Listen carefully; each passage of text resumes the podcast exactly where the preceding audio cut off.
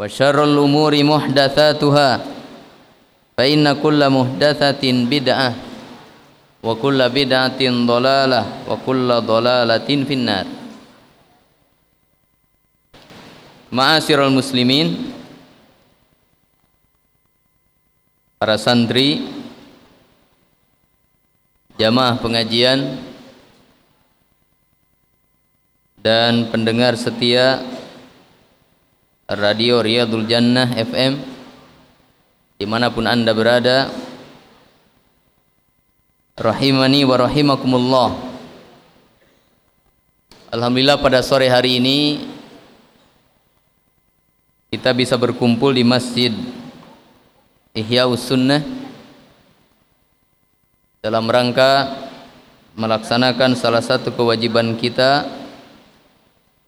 yaitu tolabul ilmi melalui kegiatan kajian rutin yang dilaksanakan pada setiap hari Rabu sore di Masjid Utama Ma'had Ihya Sunnah yang kita cintai ini. Pada sore hari ini saya diberi kesempatan untuk mengisi kajian di masjid ini Maka pada kesempatan pertemuan kita di sore hari ini saya ingin membahas sedikit berkenaan dengan apa yang sedang ramai dibicarakan pada akhir-akhir ini.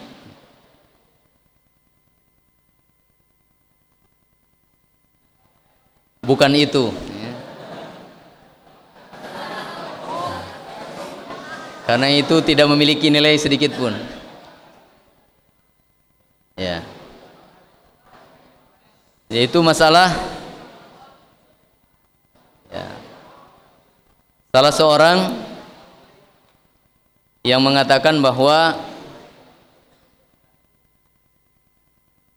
larangan mengangkat pemimpin dari seorang kafir ini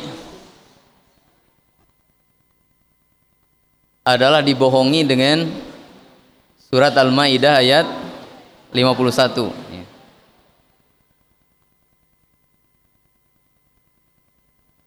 Tentunya pada kesempatan pertemuan ini saya bukan ahli politik, saya bukan pengamat sosial. Saya tidak akan membicarakan masalah itu terlalu panjang. Tetapi yang menjadi inti pembicaraan pada pertemuan sore hari ini adalah tentang bagaimana seorang muslim memahami atau menafsirkan Al-Qur'an. Karena ternyata orang non muslim ini yang menyatakan pembohongan dengan surat Al-Maidah ayat 51 ternyata dia mendapatkan dukungan bukan hanya dari yang seagama dengan dia tetapi juga dari sebagian kaum muslimin. Yang kitab mereka itu sama dengan kitab kita itu Al-Qur'an. Sama-sama berimam kepada Al-Qur'an sama-sama mengimani tentang Al-Quran. Maka Al-Quran yang Allah Ta'ala turunkan sebagai petunjuk bagi manusia tentunya ini akan menjadi petunjuk bagi kita sekalian apabila kita benar di dalam memahami dan mempelajarinya. Apabila kita salah di dalam memahami dan mempelajarinya maka kita pun akan menjadi orang-orang yang tersesat. Al-Qur'annya tidak salah. Yang salah adalah orang yang memahami Al-Qur'an dengan salah.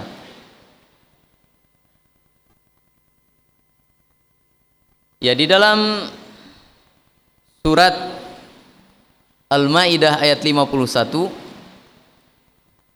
Allah taala berfirman A'udzubillahi minasyaitonir rajim Ya ayyuhalladzina amanu la tattakhidul yahuda wan nasara awliya. Ba'dhum awliya'u ba'd wa man yatawallahum minkum fa innahu minhum. Innallaha la yuhibbul zalimin.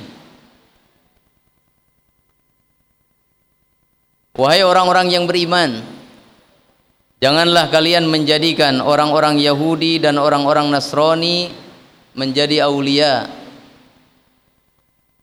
Sebagian mereka adalah aulia bagi sebagian yang lain.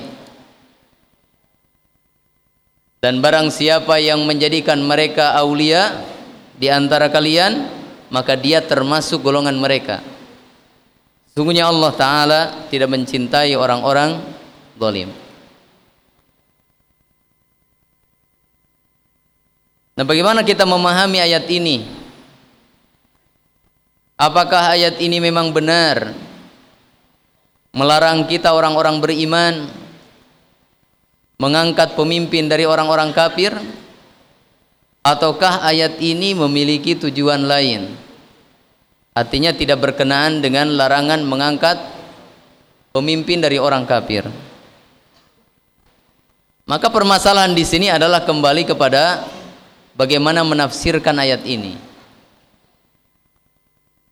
yang mudahnya untuk menafsirkan ayat ini dan memahami ayat ini adalah dengan melihat kepada penafsiran para ulama. Ulama ahlus sunnah tentang apa yang dimaksud oleh ayat ini di dalam penafsiran mereka. Apabila kita baca beberapa kitab tafsir seperti tafsir Ibnu Katsir. Juga tafsir As-Sa'di. Juga tafsir Imam Ash-Shawqani dan yang lainnya. Maka mereka para ulama rahimahumullah mengatakan tentang ayat ini bahwa di dalam ayat ini yanhallahu an muwalatil kafirina bahwa Allah Ta'ala telah melarang orang-orang beriman untuk berwala atau menjadikan orang-orang kafir sebagai aulia.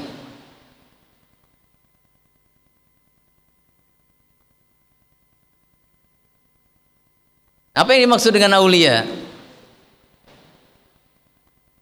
maka di dalam tafsir Ibnu Katsir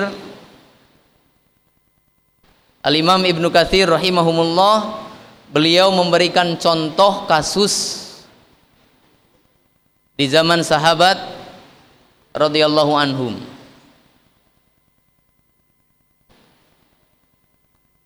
Yaitu ketika sahabat Umar bin Khattab radhiyallahu an menjadi khalifah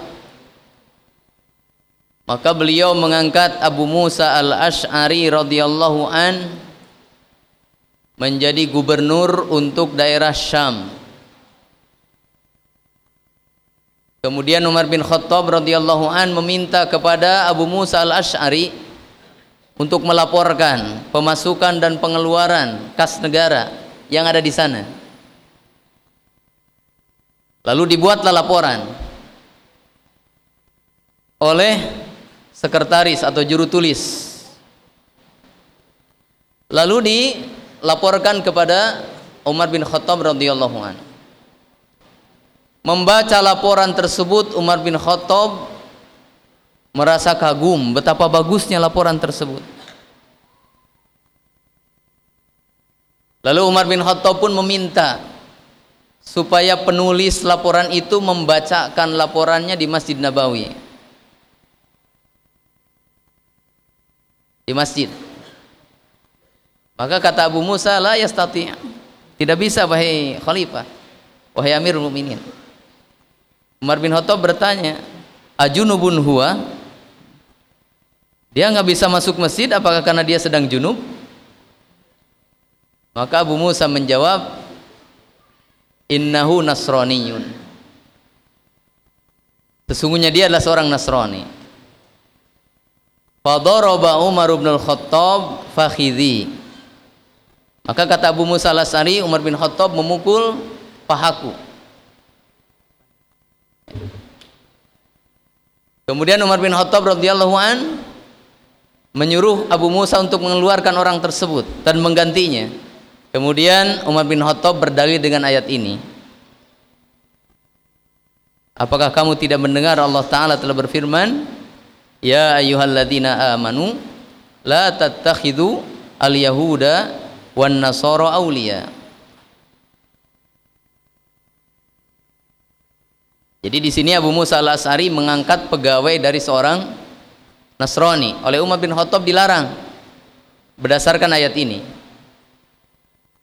Dan pegawainya itu hanya sekedar apa? Menjadi sekretaris atau juru tulis yang membuat laporan untuk khalifah. Maka Umar bin Khattab melarangnya dan larangan Umar bin Khattab itu berdalil dengan ayat tadi. Ayat yang kita baca. Nah, apabila kita melihat kepada kalimat aulia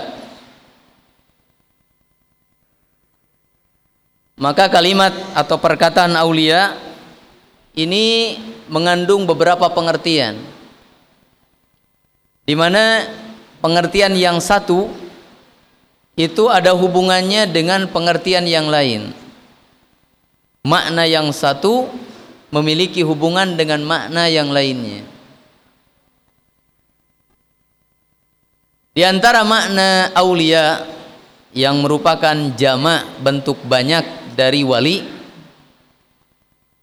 yang pertama adalah pemimpin. Sehingga pemimpin di dalam bahasa Arab di antara namanya adalah waliul amr.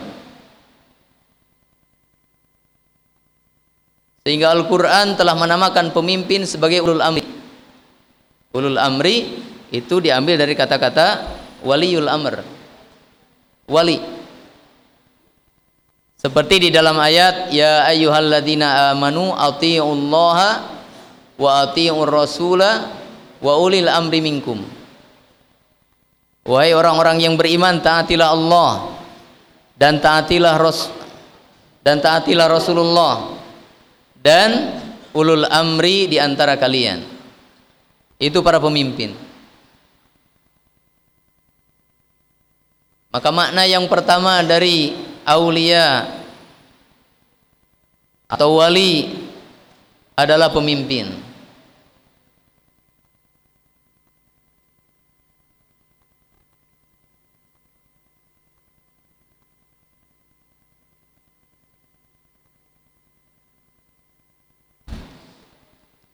Ini mana yang pertama? Maka surat Al-Maidah ayat 51 ini dijadikan sebagai ayat yang menunjukkan tentang larangan mengangkat pemimpin dari orang Yahudi dan orang Nasrani itu dari orang-orang kafir, orang-orang non-muslim ini adalah benar baik dari sisi bahasa maupun dari sisi ar seperti yang dicontohkan oleh Umar bin Khattab radhiyallahu an tadi. Kemudian antara makna aulia atau wali adalah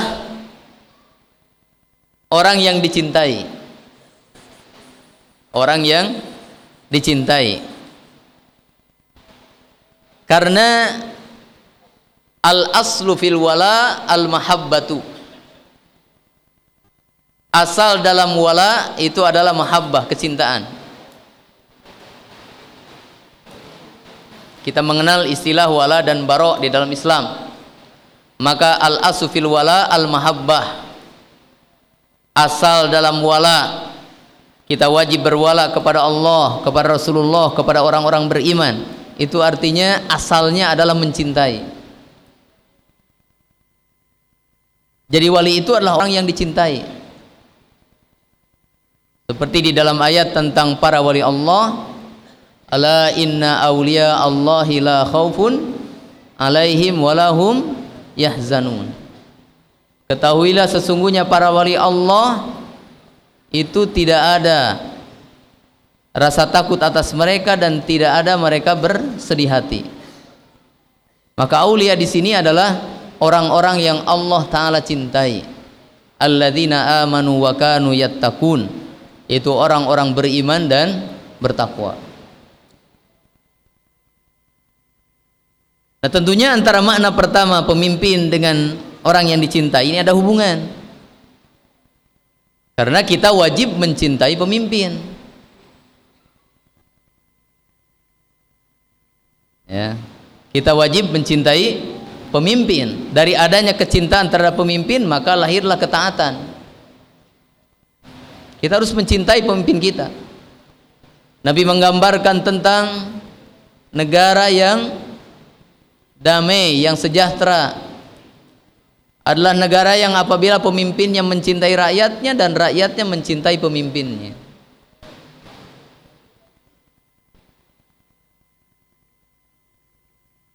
Kemudian makna yang ketiga di antara makna wali adalah al-qarib. Orang dekat. Orang yang memiliki kedekatan dengan kita.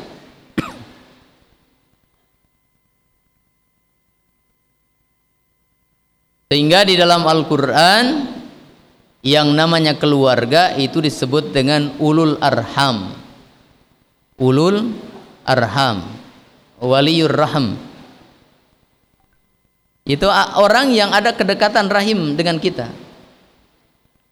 Ya, kalau nikah seorang perempuan harus ada walinya. Siapa walinya? Ya, orang yang memiliki kedekatan hubungan keluarga dengan dia. Yang paling utama adalah bapaknya. Kemudian kakeknya, saudaranya, pamannya dan seterusnya dari arah bapaknya. Bahkan seorang anak yang sudah dewasa pun boleh untuk menjadi wali untuk pernikahan ibunya. Seandainya ibunya sudah janda, kemudian menikah lagi. Maka anak yang sudah dewasa boleh untuk menjadi walinya. Maka dengan makna ketiga pun ada hubungan. Pemimpin adalah orang yang dicintai. Oleh karena itu, antara pemimpin dengan rakyat memang ada hubungan kedekatan. Teman juga menjadi wali karena ada kedekatan antara kita dengan teman kita. Makanya di dalam Quran terjemah ada uh, penterjemahan ayat 51 surat Al-Maidah ini dengan pemimpin. Janganlah kalian menjadikan orang-orang Yahudi dan orang-orang Nasrani menjadi pemimpin. Itu benar. Ada juga yang menerjemahkan dengan teman sejati, teman setia atau teman dekat. Maka itu juga benar. Karena kata-kata aulia mencakup ini dan itu.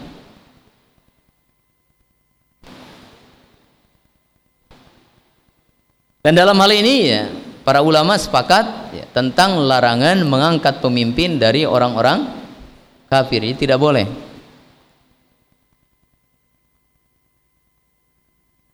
Jamaah pengajian rahimani wa rahimakumullah.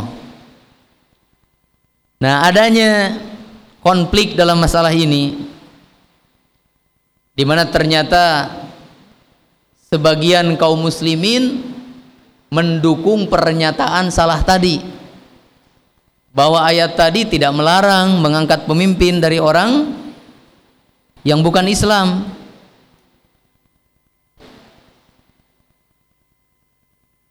Adapun dipahami atau diterjemahkan, ditafsirkan dengan larangan mengangkat pemimpin dari orang kafir, itulah sebagai pembohongan. Maka ternyata pernyataan ini ada yang mendukung dari sebagian kaum muslimin. Bahkan dari orang-orang yang dalam kacamata orang awam ini merupakan cendekiawan. Artinya mereka memiliki kedudukan di tengah-tengah masyarakat, di tengah-tengah kaum muslimin. Bahkan mereka kemudian mengatakan bahwa ayat ini memiliki penafsiran yang sangat banyak, multi tafsir. Sehingga biarkan saja masing-masing menafsirkan sesuai dengan penafsiran masing-masing. Jadi permasalahan ini adalah kembali kepada bagaimana kita menafsirkan Al-Qur'an. Nah, jamaah pengajian rahimani wa rahimakumullah. Di dalam menafsirkan Al-Qur'an, Nabi Shallallahu alaihi wasallam telah mengingatkan kita. Ya, menafsirkan Al-Qur'an itu adalah sebuah pekerjaan yang sangat mulia karena bagaimana kita menjadikan orang-orang memahami terhadap Al-Quran. Al-Quran itu bukan hanya sekedar bacaan. Al-Quran itu adalah lautan ilmu yang harus didalami. Kemudian nanti ilmu yang diambil dari Al-Quran ini harus diamalkan. Karena kewajiban kita terhadap Al-Quran ada tiga. Pertama membacanya, kedua mempelajarinya, yang ketiga mengamalkannya salah-salah kita menafsirkan Al-Quran maka akan melahirkan pengetahuan yang salah pengetahuan yang salah akan mengakibatkan pengamalan yang salah dan sejarah telah menjadi bukti dan saksi nyata tentang bagaimana bahaya yang terjadi akibat salah di dalam menafsirkan Al-Quran Bagaimana orang-orang Khawarij mereka menumpahkan darah kaum muslimin. Mereka membunuh khalifah Uthman bin Affan. Mereka membunuh khalifah Ali bin Abi Thalib radhiyallahu an. Mereka membunuh banyak sahabat. Nah, mereka berangkat melakukan hal ini mereka juga berdalil dari Al-Quran Nah yang salah bukan ayat Al-Qur'annya, yang salah adalah pemahaman mereka. Kesalahan memahami melahirkan pengamalan yang salah. Ya, sejarah telah membuktikan ketika seorang khariji yang bernama Abdurrahman ibnu Muljam membunuh Ali bin Abi Thalib radhiyallahu an Amirul Mukminin seorang sahabat yang mulia yang dijamin masuk surga saudara sepupu Rasulullah sallallahu alaihi wasallam menantu Rasulullah sallallahu alaihi wasallam orang yang pertama masuk Islam dari kalangan anak-anak. Dibunuh oleh seorang muslim khariji namanya Abdurrahman bin Muljam. Ketika dia ditangkap, kemudian akan dieksekusi, akan dikisos. Karena telah membunuh Amirul Mukminin. Maka dia berdalil untuk membunuh Ali bin Abi Thalib ini dengan ayat Al-Qur'an. Wa minan nasi may yashri nafsahu ibtigo amardotillah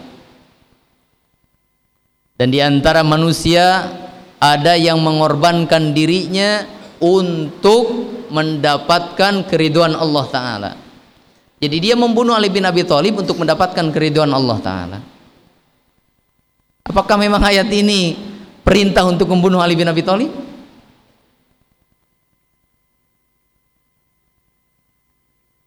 Nah Rasulullah Shallallahu Alaihi Wasallam mengingatkan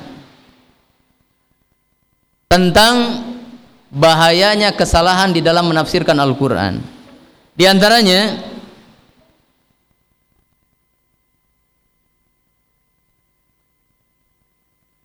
di dalam hadis Ibnu Abbas radhiyallahu anhu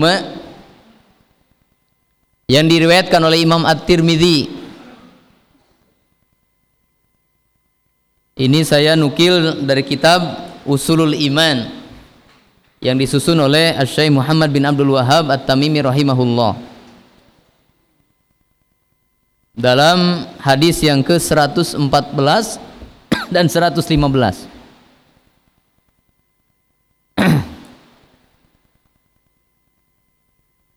Qala Syekh rahimahullah wa an Ibnu Abbasin radhiyallahu anhuma.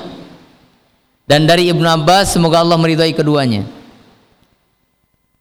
Qala beliau berkata, Qala Rasulullah sallallahu alaihi wasallam. Telah bersabda Rasulullah sallallahu alaihi wasallam Man qala fil Qur'ani bi ra'yihi falyatabawwa maq'adahu minan nar Man qala fil Qur'ani Barang siapa yang berkata tentang Al-Qur'an, maksudnya menafsirkan Al-Qur'an. Bi ra'yihi dengan pendapatnya. Fal yatabawwa maq'adahu. Maka silahkan dia menempati tempatnya minan nari dari neraka. Rawahu Tirmidzi, hadis ini diriwayatkan oleh At-Tirmidzi. Wa fi riwayatin dan dalam riwayat lain dari Ibnu Abbas juga diriwayatkan oleh At-Tirmidzi man qala fil qur'ani bi ghairi ilmin falyatabawwa maq'adahu minan nar. Man qala barang siapa yang berkata itu menafsirkan fil qur'ani al-qur'an menafsirkan al-qur'an bi ghairi ilmin dengan tanpa ilmu falyatabawwa maka silahkan dia menempati tempatnya minan nari dari neraka. Rawahu tirmidhi hadis ini diriwayatkan oleh at-tirmidhi. Jadi di sini Rasulullah Shallallahu Alaihi Wasallam mengingatkan tentang bahayanya menafsirkan Al-Quran dengan tanpa ilmu, menafsirkan Al-Quran dengan pendapat yang tercela. Ini sangat bahaya. Sehingga Nabi SAW mengancam orang tersebut akan masuk neraka. Sebagian orang mungkin berkata, Kenapa jadi masuk neraka? Bukankah dia mempelajari Al-Quran? Orang belajar Al-Quran masa masuk neraka? Maka dalam hadis lain Rasulullah SAW mengingatkan Al-Quranu hujjatun laka aw alaika. Al-Quran itu bisa menjadi hujah yang akan menyelamatkan kamu tapi Al-Quran juga bisa menjadi hujah yang akan mencelakakan kamu. Benar kita dalam mempelajari Al-Quran maka akan menjadi hujah yang akan menyelamatkan kita. Salah kita di dalam mempelajari Al-Quran maka akan menjadi hujah yang mencelakakan kita ya, yang salahnya bukan Al-Quran yang salahnya adalah kita yang mempelajari Al-Quran dengan salah. Maka ya tentunya ini sebagian dari santri sudah belajar di dalam mukaddimah usul tafsir. Ya. Yang namanya menafsirkan Al-Quran oleh para ulama dibagi kepada dua macam. Yang pertama at-tafsiru bil ma'thuri. Yang kedua at-tafsiru bir ra'yi. Tafsir Al-Qur'an ada dua macam. Yang pertama adalah at-tafsiru bil ma'thur. Yang kedua adalah at-tafsiru bir ra'yi.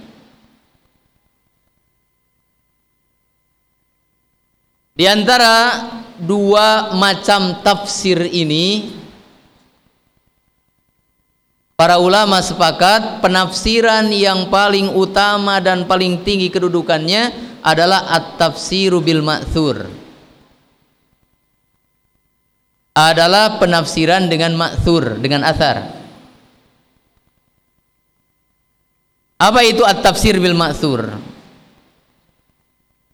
Tafsir bil ma'thur itu ada lima bentuk.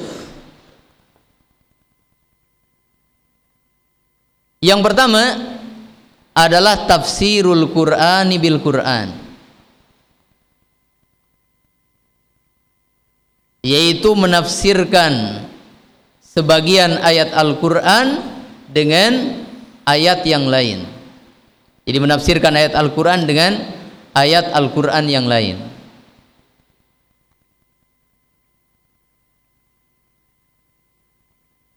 Maka ini adalah penafsiran yang benar. Karena yang namanya Al-Qur'an maka sebagian Al-Qur'an membenarkan terhadap sebagian yang lain. Sebagian Al-Qur'an mentafsil menjelaskan dan memerinci terhadap sebagian yang lain.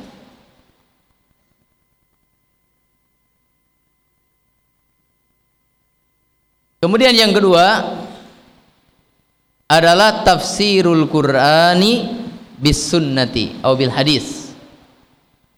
Yaitu menafsirkan Al-Qur'an dengan hadis Nabi sallallahu alaihi wasallam.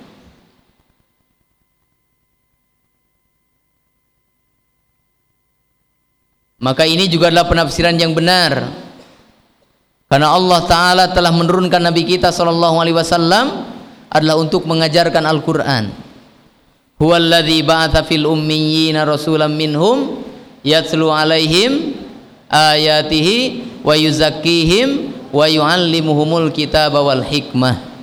Tugas rasul itu adalah membacakan dan mengajarkan Al-Qur'an kepada umat ini dan penafsiran Rasul sallallahu alaihi wasallam ini juga merupakan wahyu dari Allah taala karena hadis Nabi adalah wahyu yang kedua dari Allah Ta'ala. Kemudian yang ketiga adalah tafsirul Quran bi atharis sahabah. Menafsirkan Al-Quran dengan athar dari sahabat.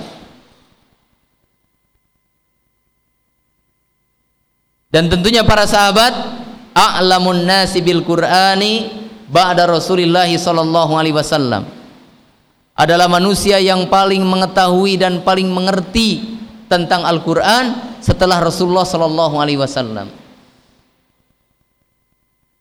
Kenapa?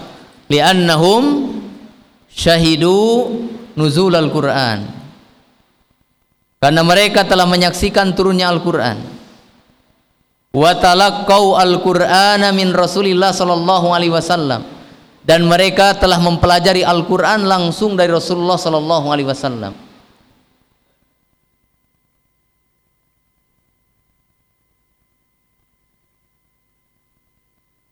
Maka penafsiran mereka terhadap Al-Quran ini adalah salah satu penafsiran bil ma'thur yang menjadi acuan kita di dalam memahami Al-Quran.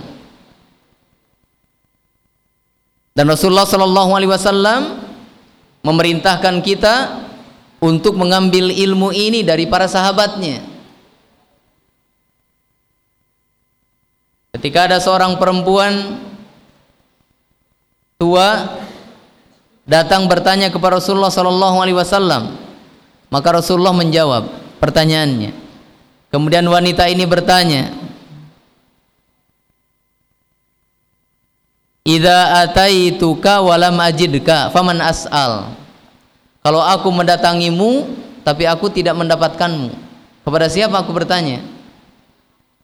Maka Rasulullah menjawab, Sal Abu Bakrin. Bertanyalah kepada Abu Bakar. Ya. Dan banyak hadis yang menunjukkan tentang ya harusnya kita mengambil ilmu kepada para sahabat.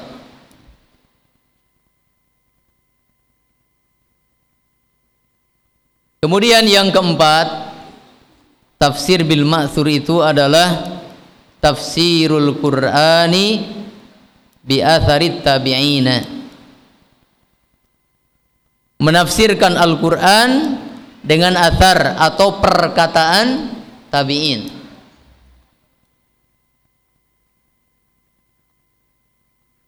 Karena tabi'in mereka telah mempelajari Al-Quran ini dari para sahabat.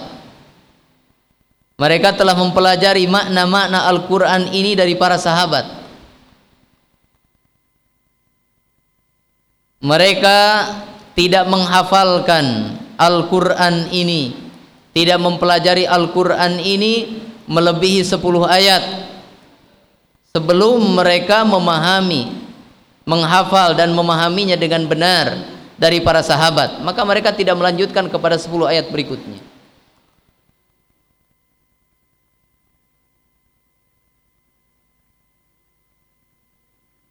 Dan tabi'in juga termasuk generasi yang dipuji oleh Rasulullah sallallahu alaihi wasallam. Khairun nasi qarni thumma alladhina yalunahum Sebaik-baik manusia adalah manusia yang ada di zamanku itu para sahabat. Tsummal ladzina yalunahum kemudian mereka yang datang setelah sahabat yaitu tabi'in.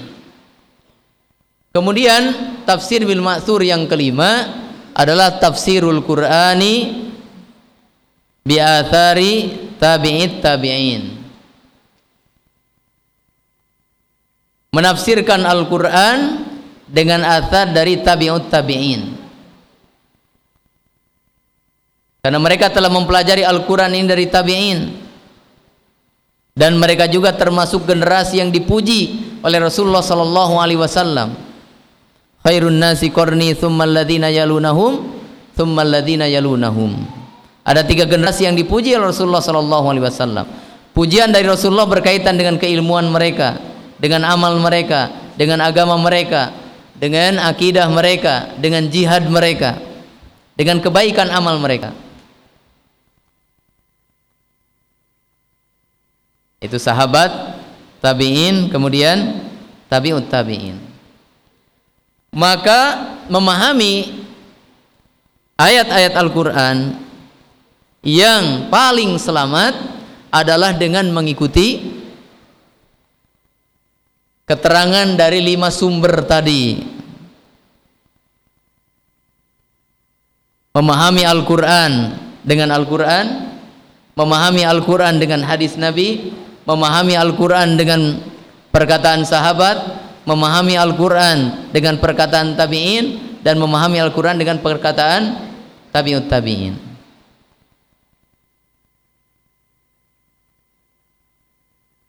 kemudian yang kedua ada at-tafsiru birro'yi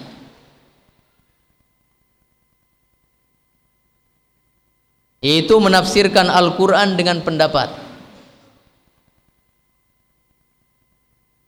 Tadi apa yang kita dengar dari hadis Nabi tentang menafsirkan Al-Qur'an dengan pendapat?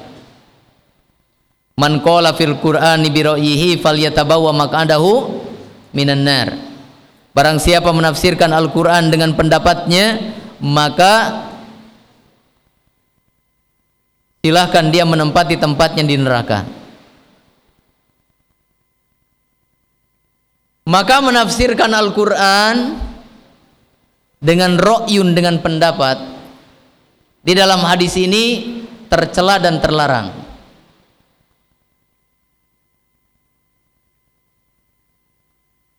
tetapi kemudian Nabi menjelaskan dalam riwayat yang kedua man qala fil qur'ani bi ghairi ilmin. Barang siapa yang menafsirkan Al-Qur'an dengan pendapatnya tanpa ilmu fal yatabawwa maq'adahu minan nar maka silahkan menempati tempatnya di neraka. Maka dua hadis ini datang dari Nabi dari lisan yang satu lisan yang sama.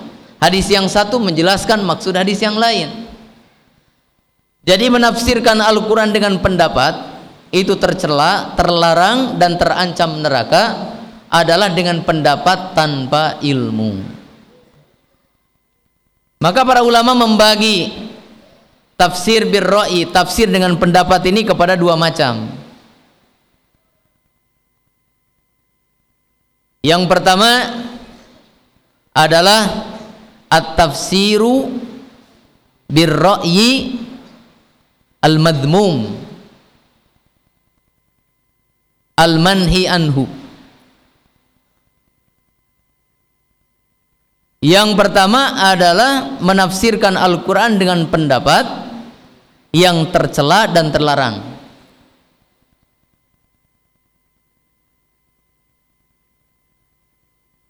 Yang kedua, at-tafsiru birra'yi al-mamduh menafsirkan Al-Qur'an dengan pendapat dan itu penafsiran yang terpuji sehingga hukumnya dibolehkan.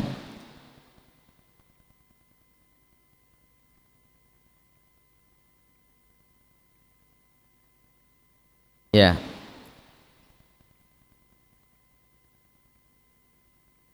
Apa penafsiran Al-Quran dengan pendapat yang tercela dan terlarang?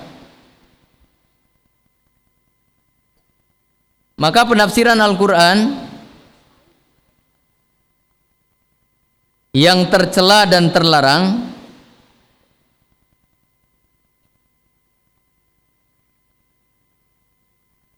ini adalah menafsirkan Al-Quran dengan pendapat tanpa ilmu. Jadi dia menafsirkan Al-Quran dengan pendapatnya, di mana pendapatnya ini tanpa didukung oleh ilmu.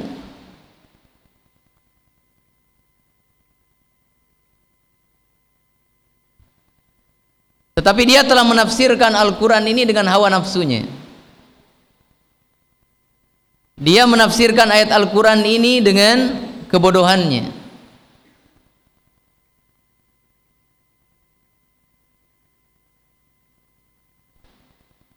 Ya. Maka penafsiran ini adalah penafsiran yang tercela dan terlarang. Ya, kalau kita membuka kitab-kitab tafsir seperti tafsir Ibnu Katsir, maka di situ ada tafsir birro'yinya dan di situ ada tafsir bil maksurnya biasanya Imam Ibnu Katsir ketika menafsirkan sebuah ayat maka yang pertama kali beliau sampaikan dalam penafsirannya adalah pendapat beliau pemahaman beliau tentang ayat. Seperti tentang ayat tadi ya. Di antara apa namanya perkataan beliau ketika menafsirkan ayat 51 surat Al-Maidah ya. Kurang lebih maksud dari perkataan beliau adalah yanhallahu al-mu'minina an muwalatil kufar. Jadi beliau mengatakan ayat ini dalam ayat ini Allah melarang orang-orang beriman untuk berwala kepada orang-orang kafir. Nah, itu penafsiran birro'i yang beliau sampaikan terhadap ayat ini. Kemudian setelah itu beliau menyampaikan tafsir bil ma'thur untuk mendukung dan membenarkan penafsiran beliau. Maka beliau sampaikan athar dari Ibnu Umar, athar dari Ibnu Abbas, athar dari sahabat yang lain yang membawa ayat ini kepada larangan menjadikan orang-orang Yahudi dan orang-orang Nasrani sebagai pemimpin, sebagai teman dekat.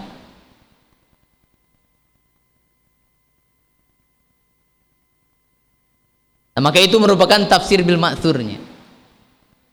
Maka orang tidak bisa menafsirkan Al-Qur'an dengan pendapatnya yang terpuji yang dibolehkan dan dibenarkan kecuali apabila dia sudah mengetahui tafsir bil ma'thur.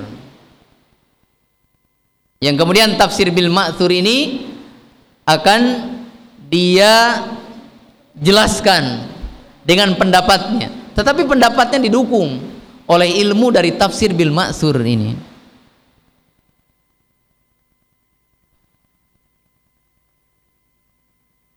Sebagian orang bertanya, ya, bukankah sudah benar sebagian orang-orang khawarij menafsirkan ayat dengan ayat yang lain? Mereka lari dari satu ayat ke ayat yang lain. Maksud ayat ini adalah ayat ini. Bukankah itu sudah merupakan tafsir bil ma'thur? Ya, saya pernah ikut uh, kajian dari kelompok yang memiliki pemahaman seperti ini. Di mana kajiannya adalah buka surat sekian ayat sekian, baca. Setelah itu dia mengatakan terus buka surat sekian ayat sekian, baca. Terus buka surat sekian ayat sekian. Jadi menghubungkan satu ayat dengan ayat yang lainnya.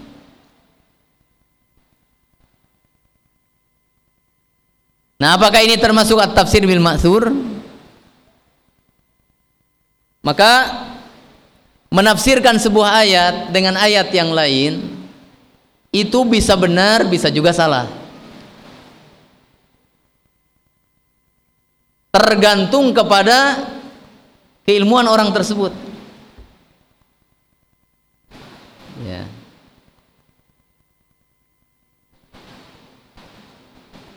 Seandainya Rasulullah SAW menafsirkan sebuah ayat dengan ayat yang lain, maka benar.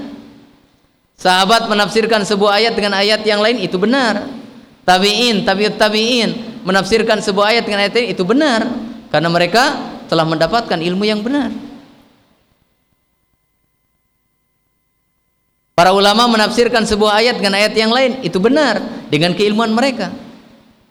Adapun orang-orang yang mengikuti hawa nafsu, dan madhab-madhab yang batil maka mereka menafsirkan sebuah ayat dengan ayat yang lain sesuai dengan hawa nafsu mereka. Maka ini tidak termasuk at-tafsir bil maksur ini masuknya kepada at-tafsir bil ro'i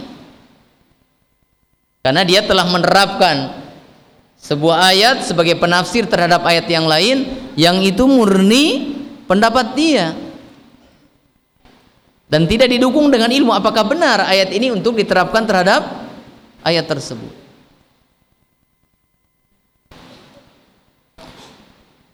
Ya yang namanya orang-orang khawarij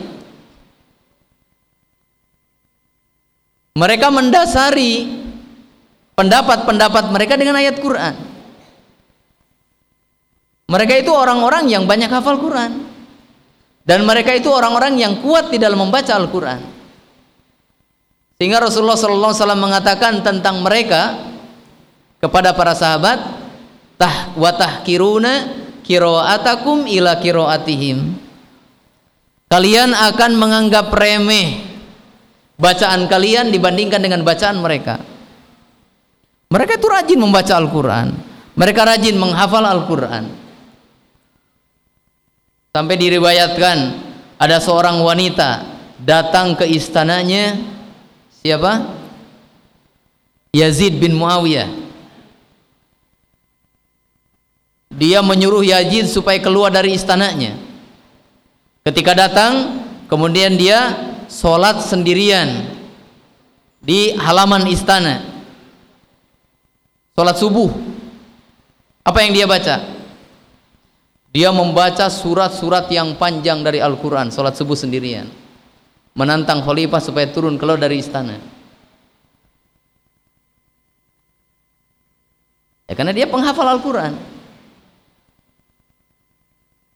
Nah, ketika Ibnu Abbas radhiyallahu anhu mendatangi markas mereka di Haruro, kemudian beliau bertanya kepada mereka, tentang alasan mereka kenapa mereka memerangi Amirul Mukminin Ali bin Abi Thalib dan memerangi para sahabat. Maka mereka menyampaikan beberapa alasan dan alasan mereka itu didasari dengan ayat-ayat Al-Qur'an.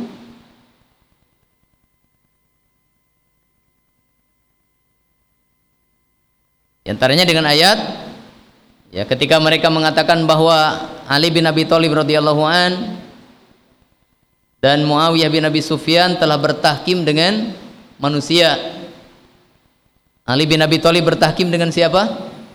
Abu Musa al-Asy'ari. Dan Muawiyah bin Abi Sufyan telah bertahkim dengan siapa? Amr ibnul As. Maka kemudian mereka mengatakan wa man lam yahkum bima anzalallah faulaika humul kafirun. Kemudian mereka menafsirkan ayat ini dengan apa namanya? Uh, inil hukmu illa lillah. Tidak ada hukum kecuali milik Allah taala. Maka mereka mengkafirkan Ali dan para sahabat radhiyallahu anhum dengan ayat-ayat ini disambungkan dari satu ayat kepada ayat yang lain tetapi ternyata penafsiran mereka ini salah. Itu bukan tafsir bil maksur dan dijelaskan oleh Ibn Abbas kepada mereka dengan ayat lain yang menunjukkan bahwa untuk menghukumi kafirnya Ali bin Abi Thalib dan para sahabat dengan sebab tahkim ini ini sesungguhnya pemahaman yang salah sebab ternyata ada ayat lain yang membenarkan tahkim ini seperti ayat apa ya seperti ayat tentang membunuh binatang buruan ketika apa? Haji. Maka Allah Ta'ala perintahkan untuk menentukan apa hukuman dan denda bagi orang yang membunuh. Ketika itu kasusnya adalah membunuh seekor apa? Kelinci. Ada sahabat yang membunuh seekor kelinci. Maka dalam ayat tersebut falyahkum bihi dawa adlim minkum. Maka hendaklah menetapkan hukum dengannya dua orang adil di antara kalian. Untuk nyawa seekor kelinci Allah perintahkan mengikuti hukum dua orang yang adil di antara kalian. Maka terlebih lagi berkaitan dengan nyawa ribuan kaum muslimin. Karena kan ketika itu terjadi peperangan. Terjadi peperangan antara kaum muslimin. Ada perang Siffin ada perang Jamal. Maka untuk nyawa seekor kelinci saja Allah perintahkan mengangkat dua hakim yang adil di antara kalian. Terlebih lagi untuk nyawa kaum muslimin. Kemudian tentang persengketaan keluarga. Maka dalam Al-Qur'an ya pihak laki-laki supaya mengutus utusan keluarganya dan pihak perempuan supaya mengutus utusan keluarganya. Kemudian supaya mereka bersepakat. Nah, ini telah menyerahkan urusan hukum kepada manusia yang adil di antara mereka. Maka tafsir birra'i yang tercela ini adalah penafsiran Al-Quran dengan pendapat tanpa dukungan ilmu. Kalau kita membaca tafsir As-Sa'di maka itu adalah tafsir birra'i. Tetapi tafsir birra'inya adalah tafsir yang terpuji, yang benar. Kenapa? Karena menafsirkannya berdasarkan apa? Ilmu. Bagaimana menafsirkan sebuah ayat dengan ayat yang lain? Menafsirkan sebuah ayat dengan hadis. Menafsirkan sebuah ayat dengan kaidah-kaidah ilmu yang telah diketahui oleh para ulama. Nah, hanya saja kemudian ya. Oh, yang kedua tafsir birroi yang apa? Terpuji ya yaitu menafsirkan Al-Quran dengan pendapat dengan adanya dukungan ilmu dia mengetahui ilmu bahasa dia mengetahui ilmu usul. Dia mengetahui tentang hukum-hukum syar'i. Dia mengetahui ilmu-ilmu akidah. Ya. Dia mengetahui tentang hadis-hadis Rasul perkataan para sahabat perkataan para ulama. Kemudian dia menafsirkan Al-Quran dengan pendapat yang didukung oleh ilmu-ilmu ini maka ini penafsiran dengan pendapat yang terpuji. Hanya kemudian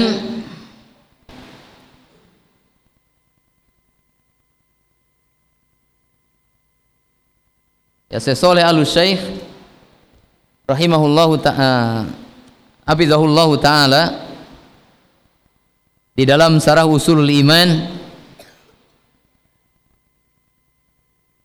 beliau menyampaikan tentang beberapa bentuk tafsir Al-Quran dengan pendapat yang tercela. Beliau sampaikan ada tiga bentuk. Ya.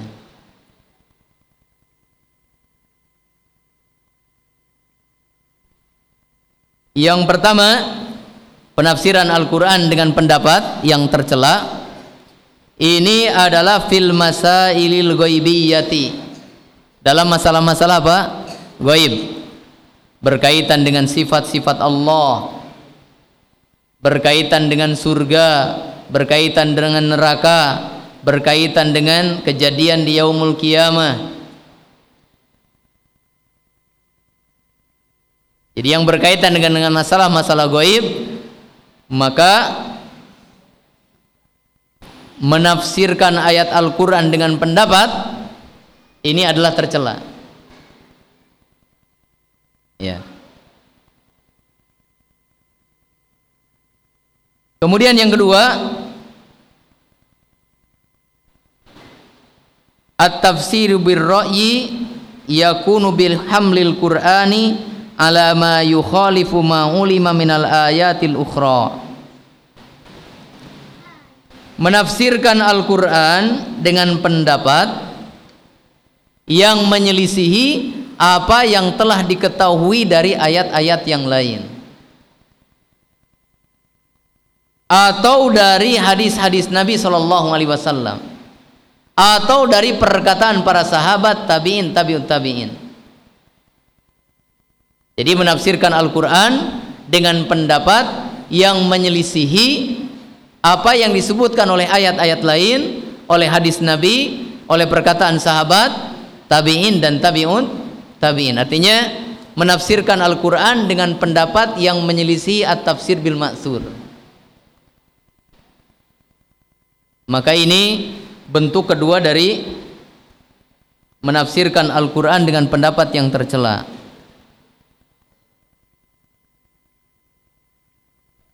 Kemudian bentuk yang ketiga.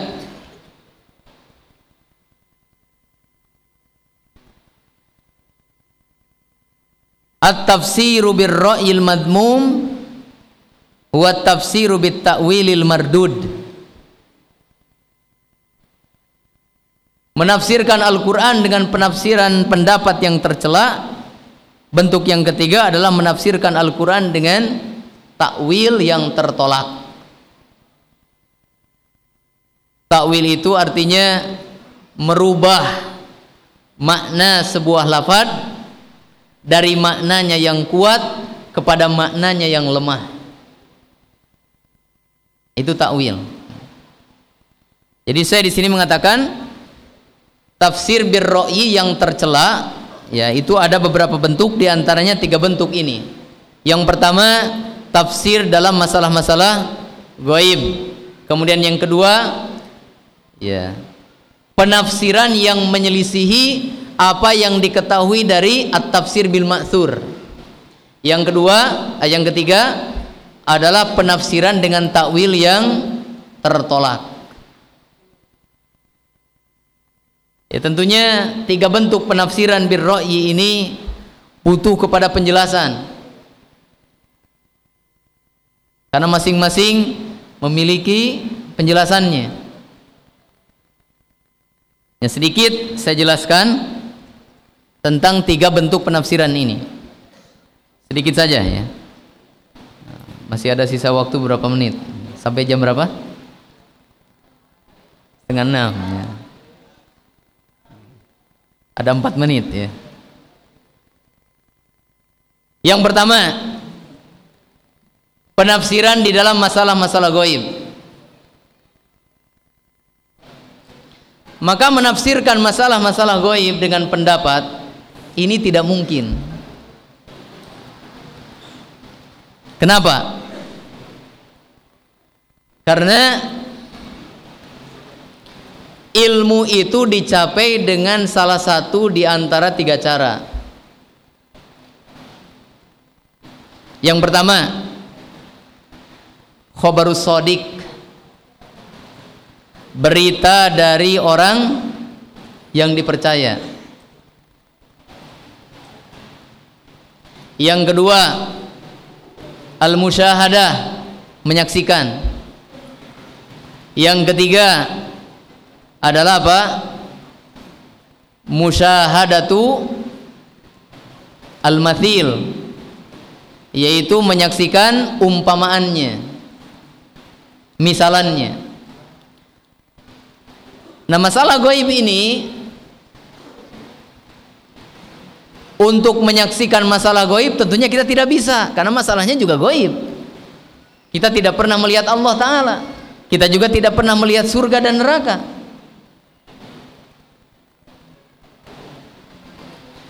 Kemudian untuk melihat perumpamaannya Allah Ta'ala laisa kamitslihi syai'un. Allah itu tidak ada yang semisal dengan Allah sesuatu apa pun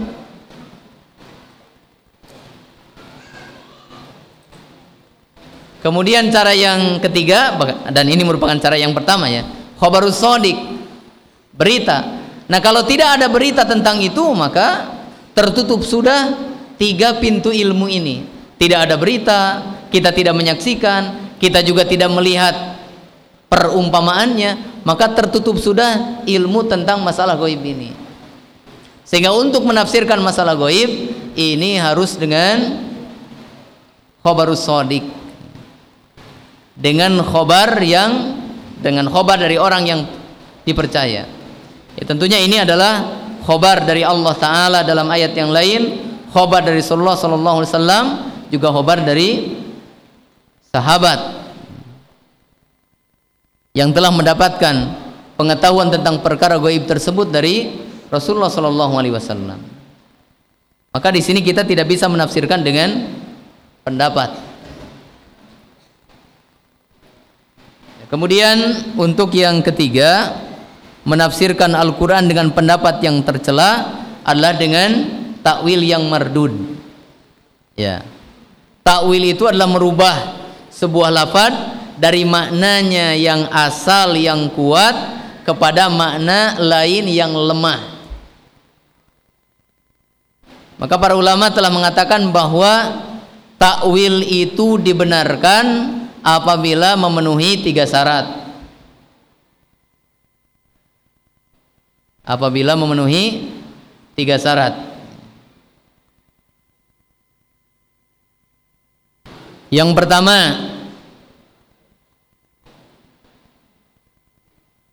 bahwa secara bahasa makna yang lemah tersebut memang ditunjukkan oleh lapad tadi.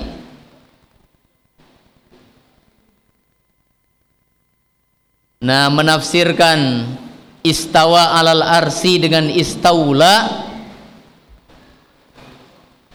istiwa Allah di atas aras diartikan dengan istaula menguasai. Maka ini tidak ada istawa mengandung makna istaula itu tidak ada. Secara bahasa pun tidak ada maka apabila mengartikan sebuah kata dengan makna yang secara bahasa itu tidak ditunjukkan ini jelas takwil yang tertolak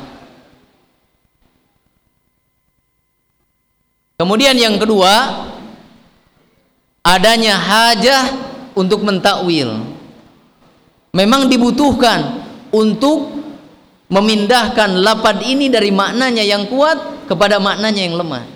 Sebab apabila apabila tidak dipindahkan akan bentrok dengan dalil yang lain. Yang kedua adanya hajah kebutuhan. Kemudian yang ketiga adanya dalil bahwa makna lapad ini yang lemah, makna yang lemah dari lapad ini kemudian dipilih, kemudian dijadikan sebagai penafsiran ini ditunjukkan oleh dalil yang lain. Nah, apabila tidak memenuhi tiga syarat ini, maka takwil tersebut masuk kepada takwil yang tertolak dan penafsirannya adalah penafsiran yang tercela, yang terlarang. Ya. Jamaah pengajian rahimani wa rahimakumullah dan para pendengar radio Riyadul Jannah 104,5 FM yang semoga dimuliakan Allah taala untuk uh, kajian kita pada sore hari ini kita cukupkan sampai di sini. Mudah-mudahan ada manfaatnya. Walaupun sebenarnya pembahasan ini memang perlu untuk dijabarkan dan dijelaskan lebih luas lagi. Terlebih untuk memahami kaidah-kaidah yang terakhir tadi memang ini butuh contoh-contoh untuk menjelaskannya. Tetapi berhubung waktu yang uh, sudah uh, selesai peruntukannya untuk kajian ini maka kita cukupkan sampai di sini. Wa akhiru da'wana alhamdulillahirabbil alamin subhanakallahumma bihamdik asyhadu an la ilaha illa anta astaghfiruka wa atubu ilaik wa sallallahu wasallam ala muhammadin wa ala alihi wa ashabi ajmain assalamualaikum warahmatullahi wabarakatuh